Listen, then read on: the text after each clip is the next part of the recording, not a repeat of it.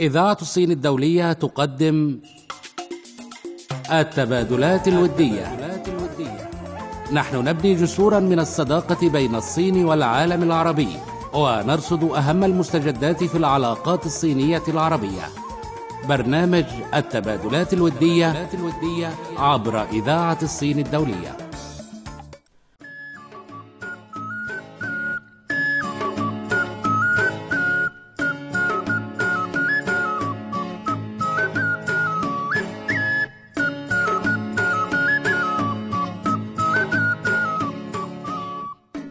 سيداتي وسادتي مرحبا بكم في هذا اللقاء على أمواج إذاعة الصين الدولية من بكين.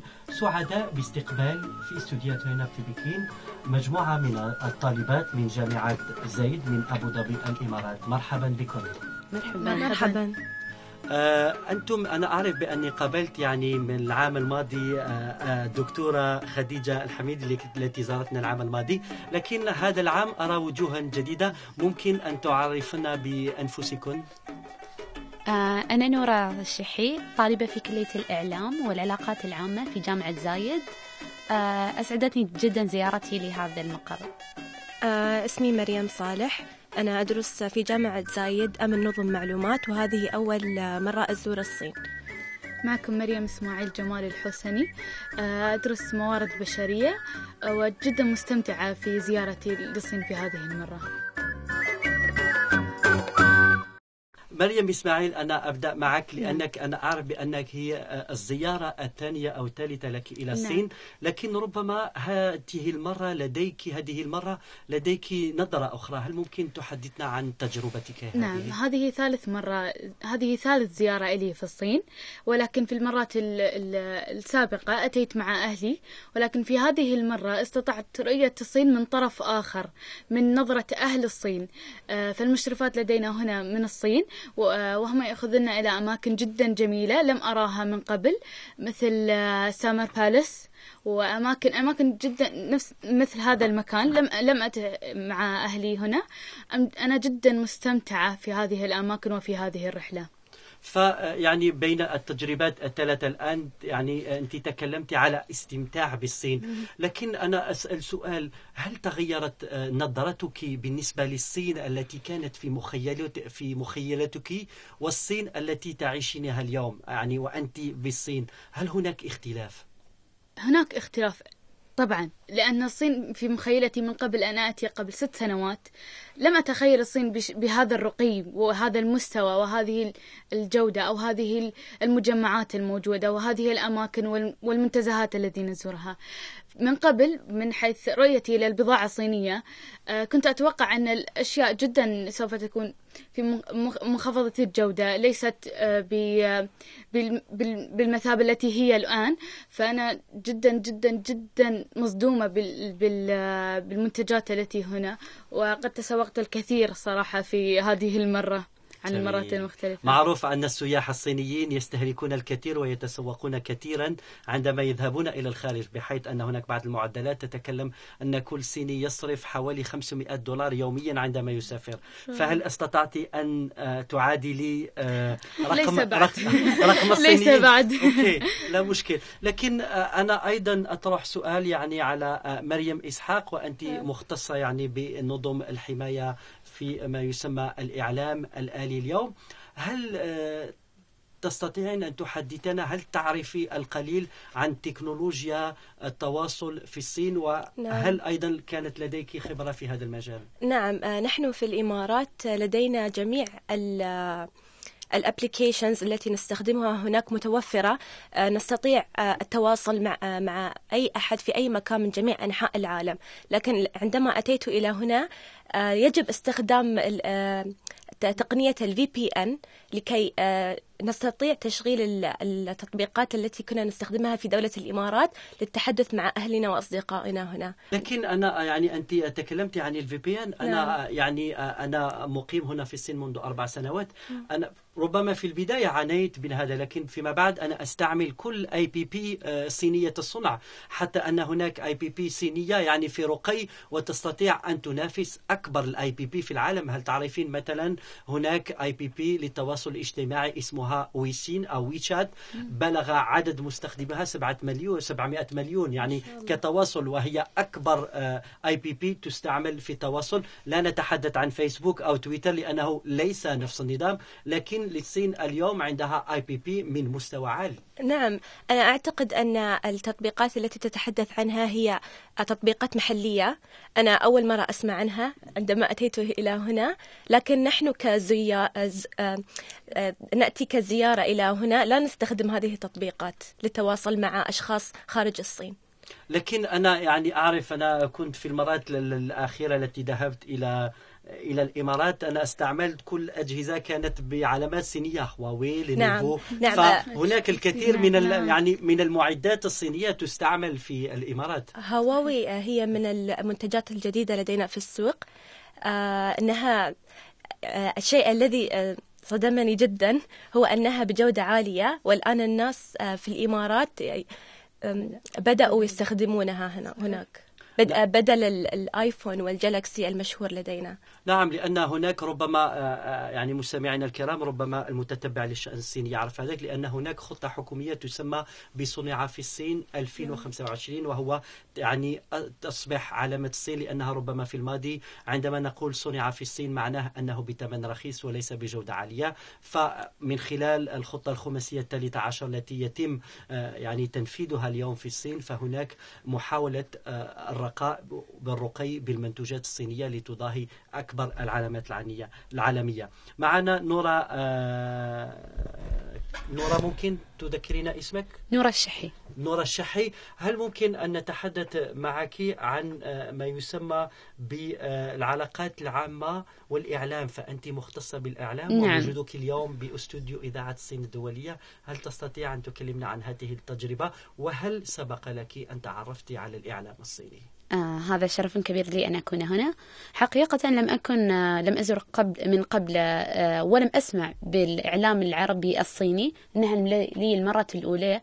آه وصراحة دهشت كثيرا بهذه المعلومة.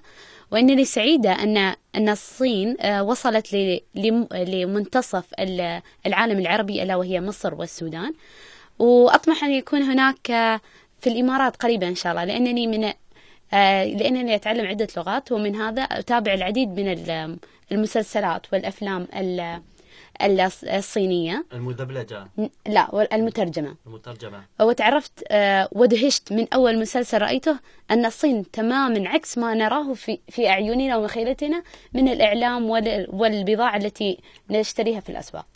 لأن الإعلام لم يصور لنا آه، الصين بهذه بهذه الج... بهذا الجمال بهذه الرق... بهذا الرقي كل ما نسمعه عن الصين ميد ان تشاينا صنع في الصين رداءة المستوى رداءة له.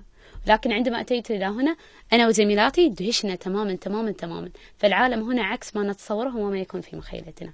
ومن ناحية العلاقات العامة آه، أطمح أن يكون هناك علاقات أكبر بين آه، الإعلام الصيني والإعلام الإماراتي لأن هناك إقبال كثيرا نتحدث عن الشباب مرحلة الشباب من 15 إلى 25 سنة. هناك إقبال كبير على تعلم اللغة الصينية والتعرف على المسلسلات والإعلام الصيني. كان هناك الكوري ولكن الآن أرى الشباب يتوجه إلى الصيني وهذا شيء جميل ويسعدني. وأنا من أول من أول الجيل الصاعد الذي يتمنى أن يكون هناك شراكة بيننا. نعم شكرا لك آه، آه، نورا الشحي. شكرا لك.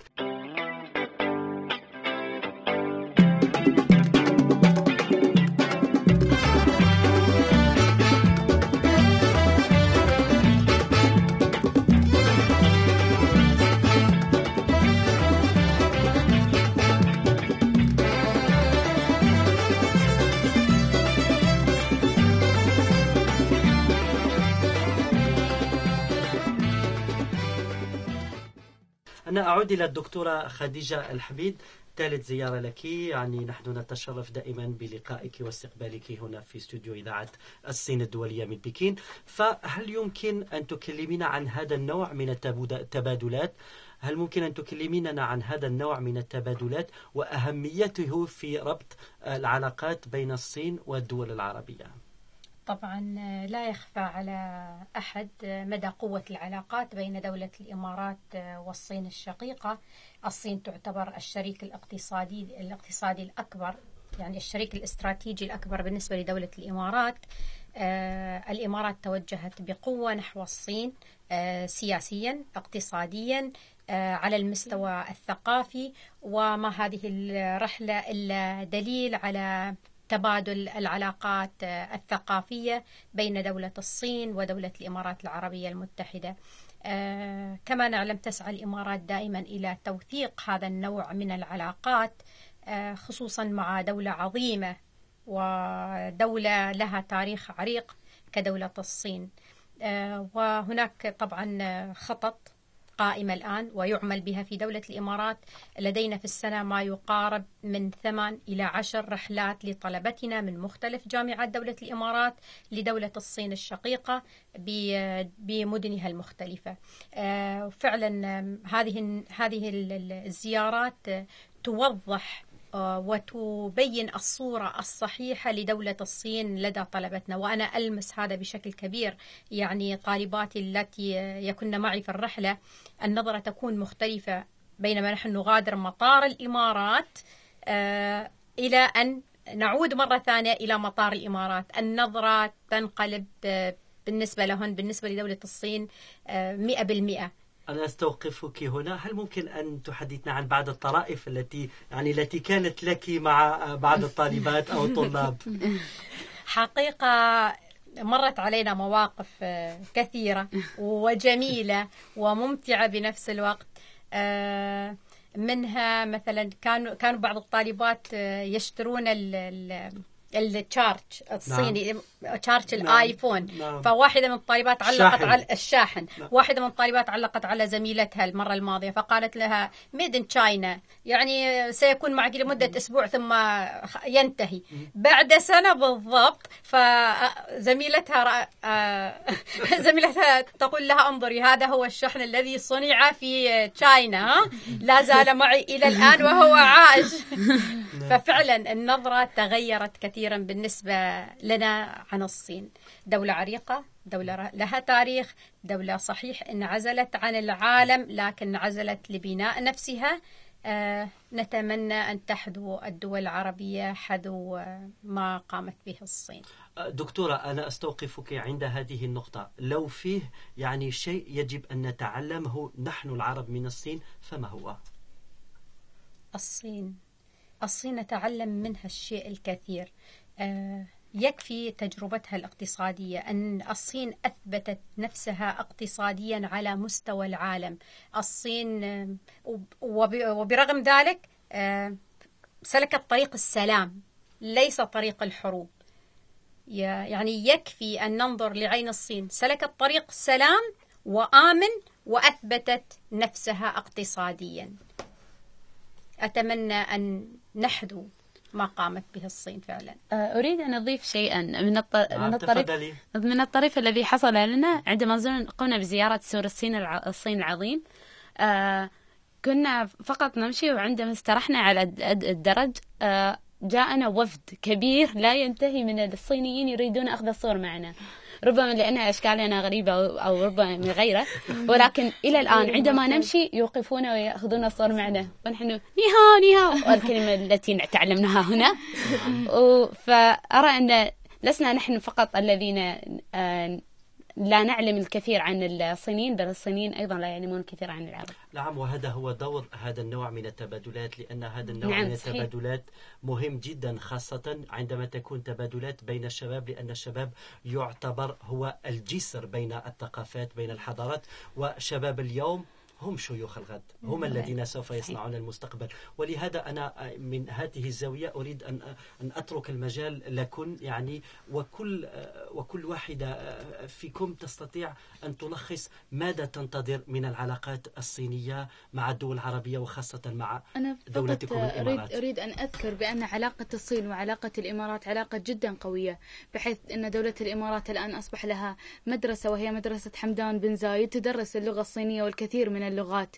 أنتجت جيل آه، جدا جدا جدا كبير في دراسة اللغة الصينية آه، بحيث أنهم السنة الماضية أتوا أول زيارة إلى الصين وفي المستقبل إن شاء الله سوف يتم استثمار هذه هذا الجيل و وتفريغه على العالم. ممكن أن طلاب دولة الإمارات العربية الذين يتحدثون اللغة الصينية أن يشتغلون في السفارات الخارجية أن يأتون إلى الصين وأن يبدون بالاقتصاد كما ذكرت كما ذكرت الدكتورة خديجة بأن اقتصاد آه، الصين جدا قوي. نستطيع أن يستطيعون طلاب دولة الإمارات أن يبدون يبدأون هذه الخطوة ويقومون بفعل آه، بفعل الصين. وأنا من رأيي فأنا أحث شباب الإمارات وشباب الوطن العربي بتعلم اللغة الصينية وتعلم ثقافتها. فجمالها لا يختلف عن جمال تاريخ الصين آه، وجمال شعبها ولا باقتهم. ومن نظرتي أنا آه، أولا أحب أن أشكر جامعة بكين للدراسات الأجنبية لأنها أعطتنا هذه الفرصة الرائعة المدهشة لمعرفة الجانب العظيم من آه، آه، جمهورية الصين. ومن وجهة نظري أنا أجد أن الصين مظلومة عندنا في الوطن العربي. مظلومة تماما لأننا لا نعرف الصورة الكاملة بل الجانب المظلم منها. هذا دوركم؟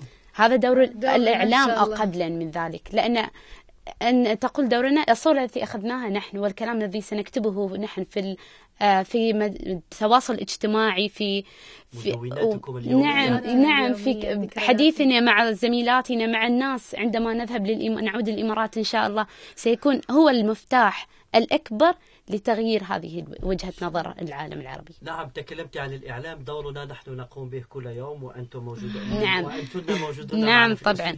لكن هناك أيضا هيداك هناك أيضا نقطة مهمة وهو الصدى. الصدى نحن من خلال مستمعينا في الوطن العربي نحاول أن ننقل الصورة الحقيقية عن الصين لكن بدون المستمعين بدونكم أنتم نحن أيضا لا نستطيع أن نخلق آلية أو دينامية نستطيع أن نصل بها إلى كل العالم العربي. أنا أعرف بأني العام الماضي في آه، فيما يسمى المعرض الدولي للكتاب في آه، في الإمارات نعم. تحدثت مع على مشروع كلمة لأن الان نفتح ربما مع مع آه، الدكتورة خديجة الحميد أنا رأيت بأن هناك يعني مشروع كلمة قام بترجمة نعم. العديد من الكتب نعم. من آه، الثقافة الصينية نعم. إلى العربية لكن الطريقة الثانية لم لم يسلك بعد وهو كيف ترجمت ربما بعض الكتب من من اللغة العربية إلى اللغة الصينية مثلا عندنا في آه، في الأدب العربي عندنا كتاب كليلة ودمنة عندنا البخلاء لأن ربما آه، المتتبع للاداب آه، الصيني وخاصة بعد فوز مويان بجائزة نوبل هناك انفتاح على الأدب الصيني كبير. لكن نحن يبقى يعني خاصة أتكلم عن الوطن العربي هناك تجربة لكن تم تم القيام بها في سنوات الخمسينات والستينات. يعني حتى اليوم بعد ذلك بعد هذه السنوات لا يوجد طرح موضوعي وأن يعني الدكتورة يعني كأكاديمية تستطيع أن آه، تتكلم عن هذا فكيف يعني آه، ترين أهمية الترجمة في آه، نقل في النقل في أن تكون جسر للتبادل بين الشعوب؟ نعم آه هذه نقطة مهمة جدا آه لتبادل الثقافات الترجمة الترجمة واحدة من من الأعمدة المهمة لتبادل الثقافات. وأتوقع أن هذه النقطة قادمة لا محالة. آه، سنرى بإذن الله تعالى هناك مترجمين يترجمون من الصينية للعربية ومن العربية للصينية لأن فعلا كما ذكرت إحدى طالباتنا هناك مدارس في دولة الإمارات بدأت فعليا بتدريس اللغة الصينية للإماراتيين للطلبة الإماراتيين. فالثمار قادمة إن شاء الله ولدينا بعض الدور مثل ما مثل ما ذكرت الدار كلمة مهتمة بالتدريس مهتمة بالترجمة بين الثقافات الأخرى والثقافة العربية. فبإذن الله تعالى سنرى إصدارات مترجمة قريبا إن شاء الله من اللغة الصينية للغة العربية والعكس. فإن شاء الله تعالى هذه العلاقات من رقي وإلى تقدم وتقدم وتقدم. سنراها قريبا إن شاء الله. تعالى.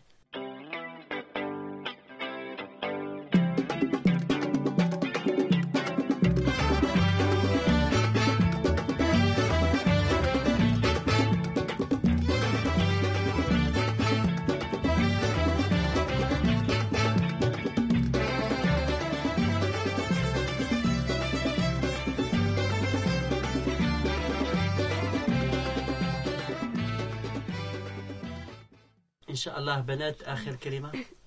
شكرا جزيلا لكم. آه، بصراحة كانت تجربة جدا جميلة وال والكلام اللي سمعناه هناك كان جدا معلومات جديدة ومفيدة لنا إن شاء الله. و... وإن شاء الله لن نقصر بدورنا وس... وسنعكس الصورة الإيجابية التي رأيناها هنا في بكين وعن الصين وعن بكين إلى أكثر آه، صدى ممكن إن شاء الله. إن شاء إن الله شاء الله. الصين تاريخ تاريخ جميل. آه وإن شاء الله نطمح لزيارة الصين مرة واثنين وثلاثة. وإن شاء الله نأتي مترجمين. إن شاء الله. إن شاء الله. وعلى فكرة نحن ندرس اللغة نحن الصينية مبتدئين في تعلم اللغة الصينية. الصينية. جميل. آه، وبعد زيارتي لجامعة آه، بكين للدراسات الأجنبية فأنا الآن أفكر في آه، أتعلم اللغة الصينية بشكل أفضل والقدوم لأخذ بعض الكورسات هنا. مرحبا بك. مرحبا. شكرا. شكرا.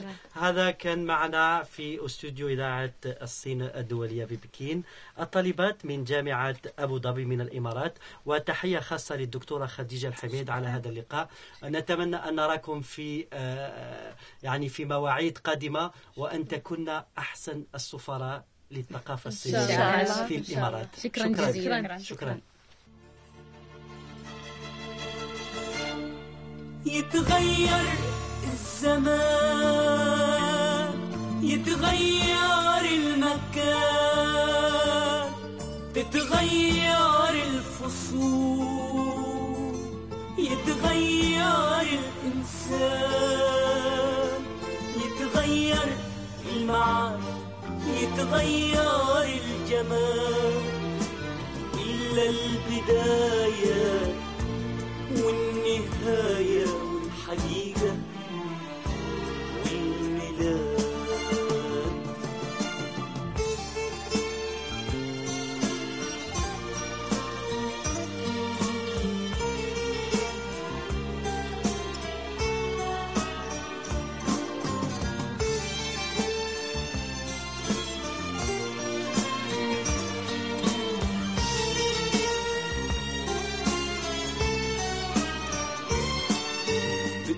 بتخلص الحاجات.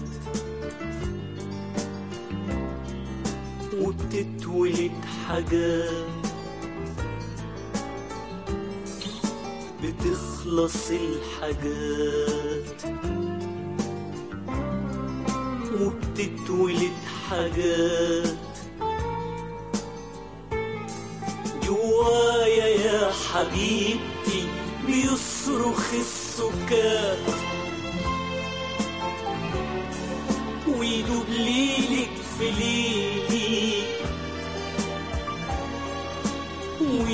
ويرتعش قنديلي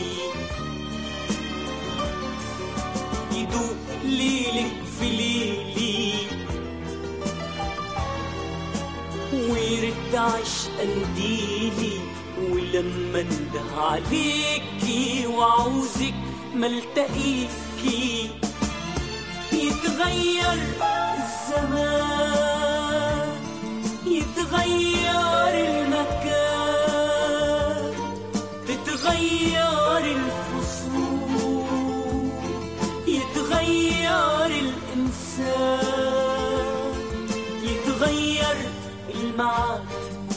يتغير الجمال إلا البداية والنهاية.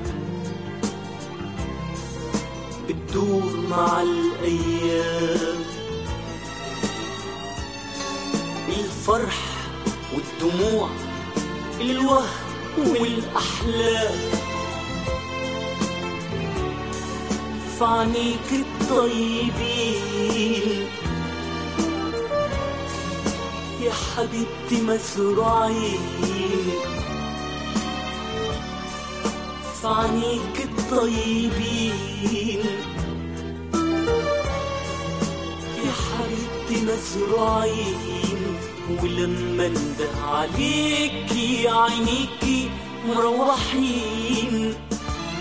يتغير الزمان يتغير المكان تتغير الفصول يتغير الإنسان يتغير المعاد يتغير الجمال.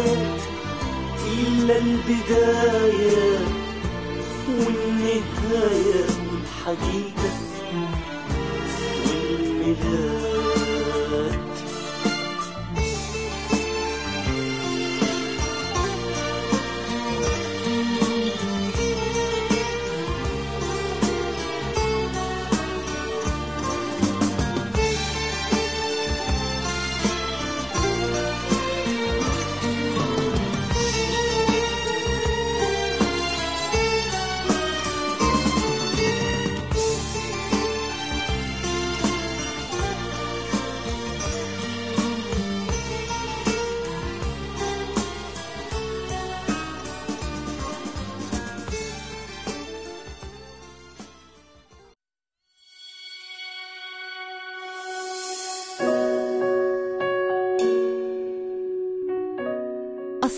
بعيون عربية. ينثر عبيره عليكم أحبائي المستمعين ويقدم لكم برنامجكم الذي تعده وتقدمه ريم صقر. أحبائي المستمعين أهلا ومرحبا بكم وحلقة جديدة وبرنامجكم الصين بعيون عربية. فاصل قصير وعن عاصمة الموضة تاليان نتحدث.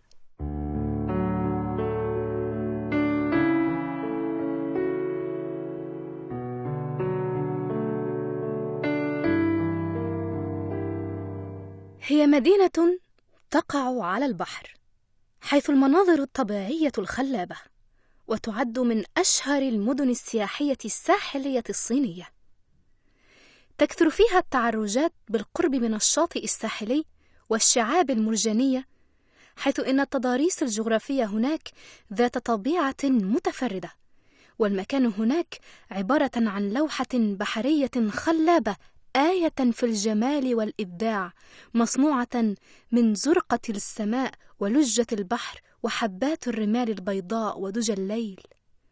فتجعل عيناك تزداد انبهارا كلما وقعت على منظر البحر حيث الخط الساحلي الذي يزيد طوله عن الألف كيلومتر وتتخلله الجزر التي تأخذ كل منها شكل حجر الزمردة كما تجد هناك أشهى وأطعم المأكولات البحرية. الرمال الناعمة والمياه الصافية واليخوت التي تطير على صفحات المياه في بهجة وهي أجمل ما يرى في مدن الصين بأكملها هذه المدينة هي داليان مدينة السحر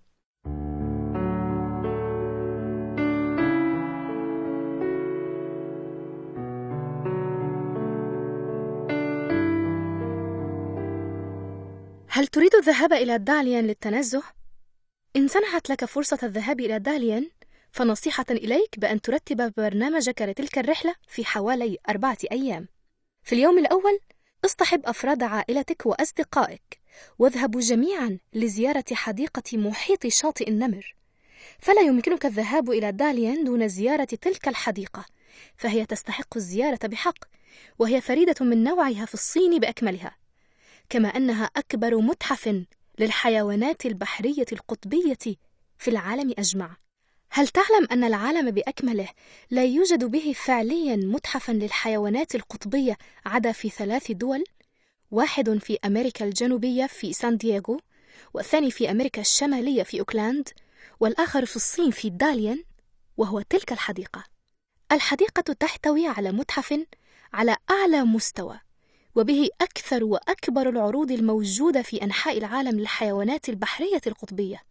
قاعة المرجان وهي أكبر المتاحف في كل آسيا التي يوجد بها عروض أساسية لكائنات الشعب المرجانية، متحف الثدييات البحرية والطيور والغابات وبه أكبر الأماكن في الصين محاكاة لبيئة العصافير والطيور وأيضا عروض ترفيهية في اليوم الثاني وبعد الانتهاء من زيارة تلك الحديقة تذهب إلى حديقة الغابات والحيوانات.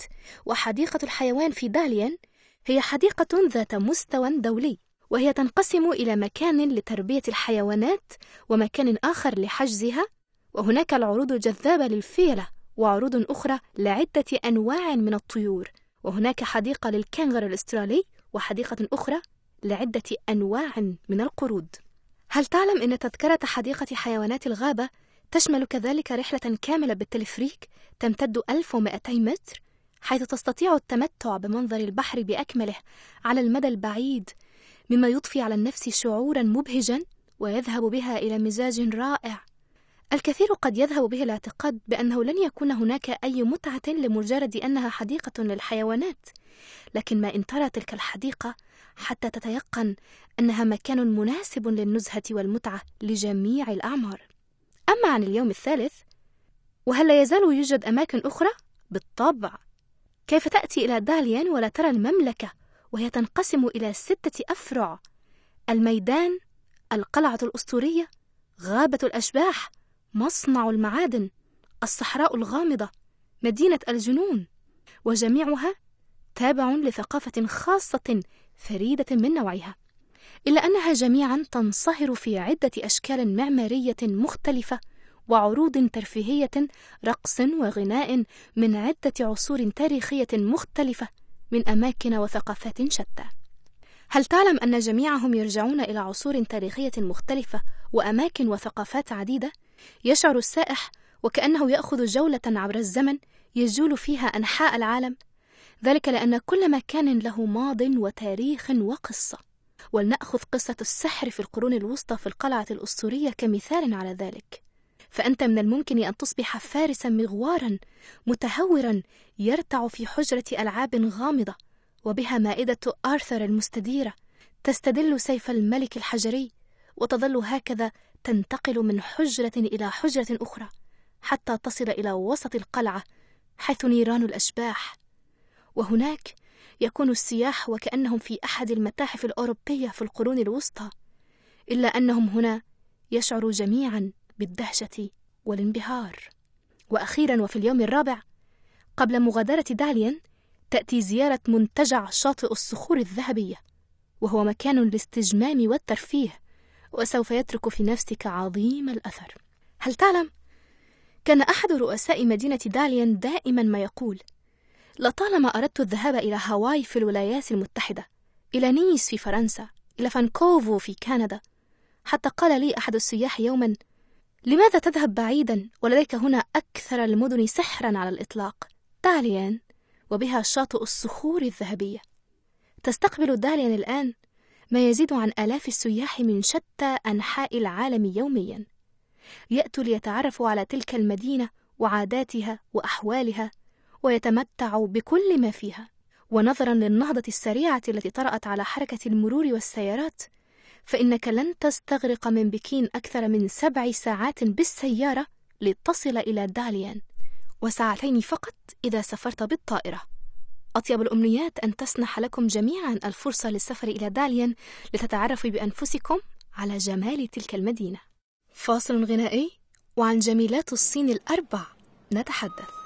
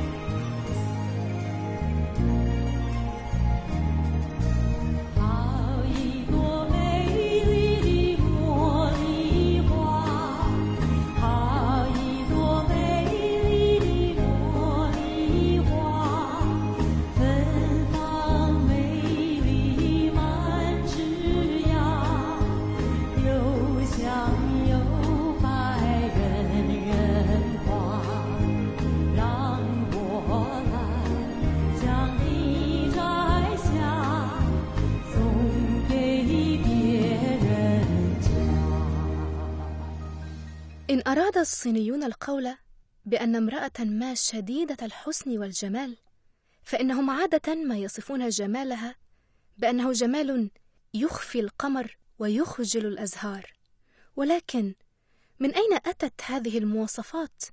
وما هي القصص التي تكمن وراءها يا ترى؟ لمعرفة إجابة هذين السؤالين علينا أن نتطرق للحديث عن الجميلات الأربع والجميلات الأربع هو لقب أطلق على أربعة فتيات جميلات اشتهرن في الصين القديمة بسحر جمالهن وهن سي شي ووان زاو جن ودياو تشان وياو يوخوان. وهؤلاء الجميلات يتميزن بحسن الخلق والطباع فلم يكن جمالهن جمال شكل فقط بل كن حسنات الخلق والخلق. كما أنهن بارعات في الغناء والرقص دوما ما كن رمزا للجمال في قلوب الصينيين. فاصل قصير وعن سيشي أحكي لكم.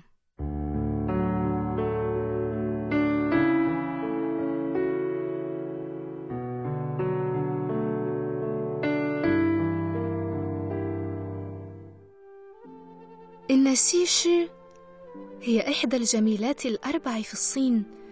إن لم تكن أجملهن وأحسنهن على الإطلاق. يحكى أنه في عصر الربيع والخريف والممالك المتحاربة كانت سيشي فتاة جميلة الملامح في مملكة يويه وخلال الحرب الهائجة استسلمت مملكة يويه لمملكة وو لكن جوجيان ملك مملكة يويه كان حريصا أشد الحرص لاستعادة بلاده مرة أخرى بشتى الطرق. إلا أن سيشي ضحت بكرامتها وقبلت المهانة من أجل مصلحة بلادها حيث أهداها جوجين لملك مملكة وو وانفو لتصبح أحب جارية إلى قلبه. فصار لا يكف عن السهر والشراب راغبا عن أمور بلاده مبتعدا عن أمور السياسة والحكم وبمساعدتها وتضحيتها تلك نجح جوجين في استعادة بلاده من جديد. ويزعم أنه بعد انهيار مملكه وو اختفت سيشي عن الأنظار وتركت في قلوب الناس شوقا دائما.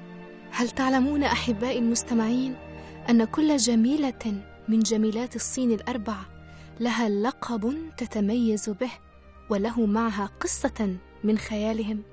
وإن لقب سيشي يا أحبائي هو chen yu أو غرق السمك. يحكى أنه في أحد الأيام عندما كانت سيشي عند ضفة النهر تغسل ملابسها انعكس وجهها الوضاء الجميل على صفحة المياه الصافية فازدادت جمالا وحسنا. وفي ذلك الحين رأت سمكة في النهر مدى بهائها فنسيت السباحة في الماء وغرقت في قاع النهر رويدا رويدا. ومنذ ذلك الحين ارتبط لقب غرق السمك بسيشي الحسناء الجميلة.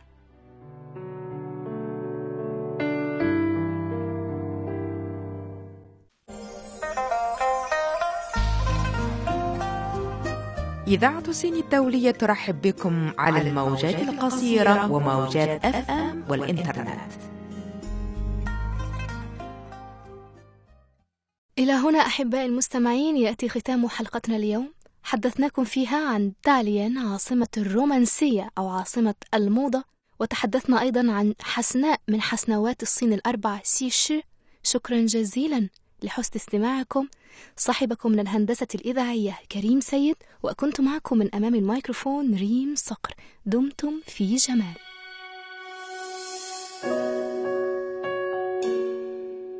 إذا فالصين بعيون عربية قد نثر عبيره عليكم أحبائي المستمعين وقدم لكم برنامجكم الذي تعده وتقدمه ريم صقر.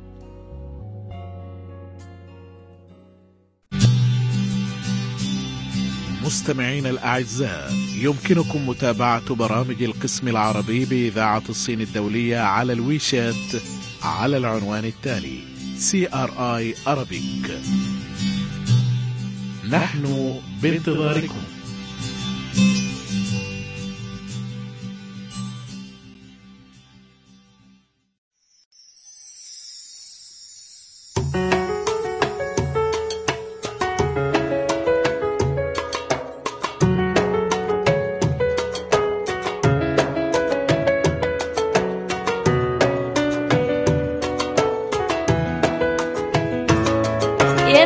يا بنات يا بنات اللي ما خلفش بنات ما شبعش من الحنية وما دقش الحلوية. حلوة الأيام في عينيا علشان خلفت بنية ولا شفت الأرض اتهدت ولا ملت الحيطة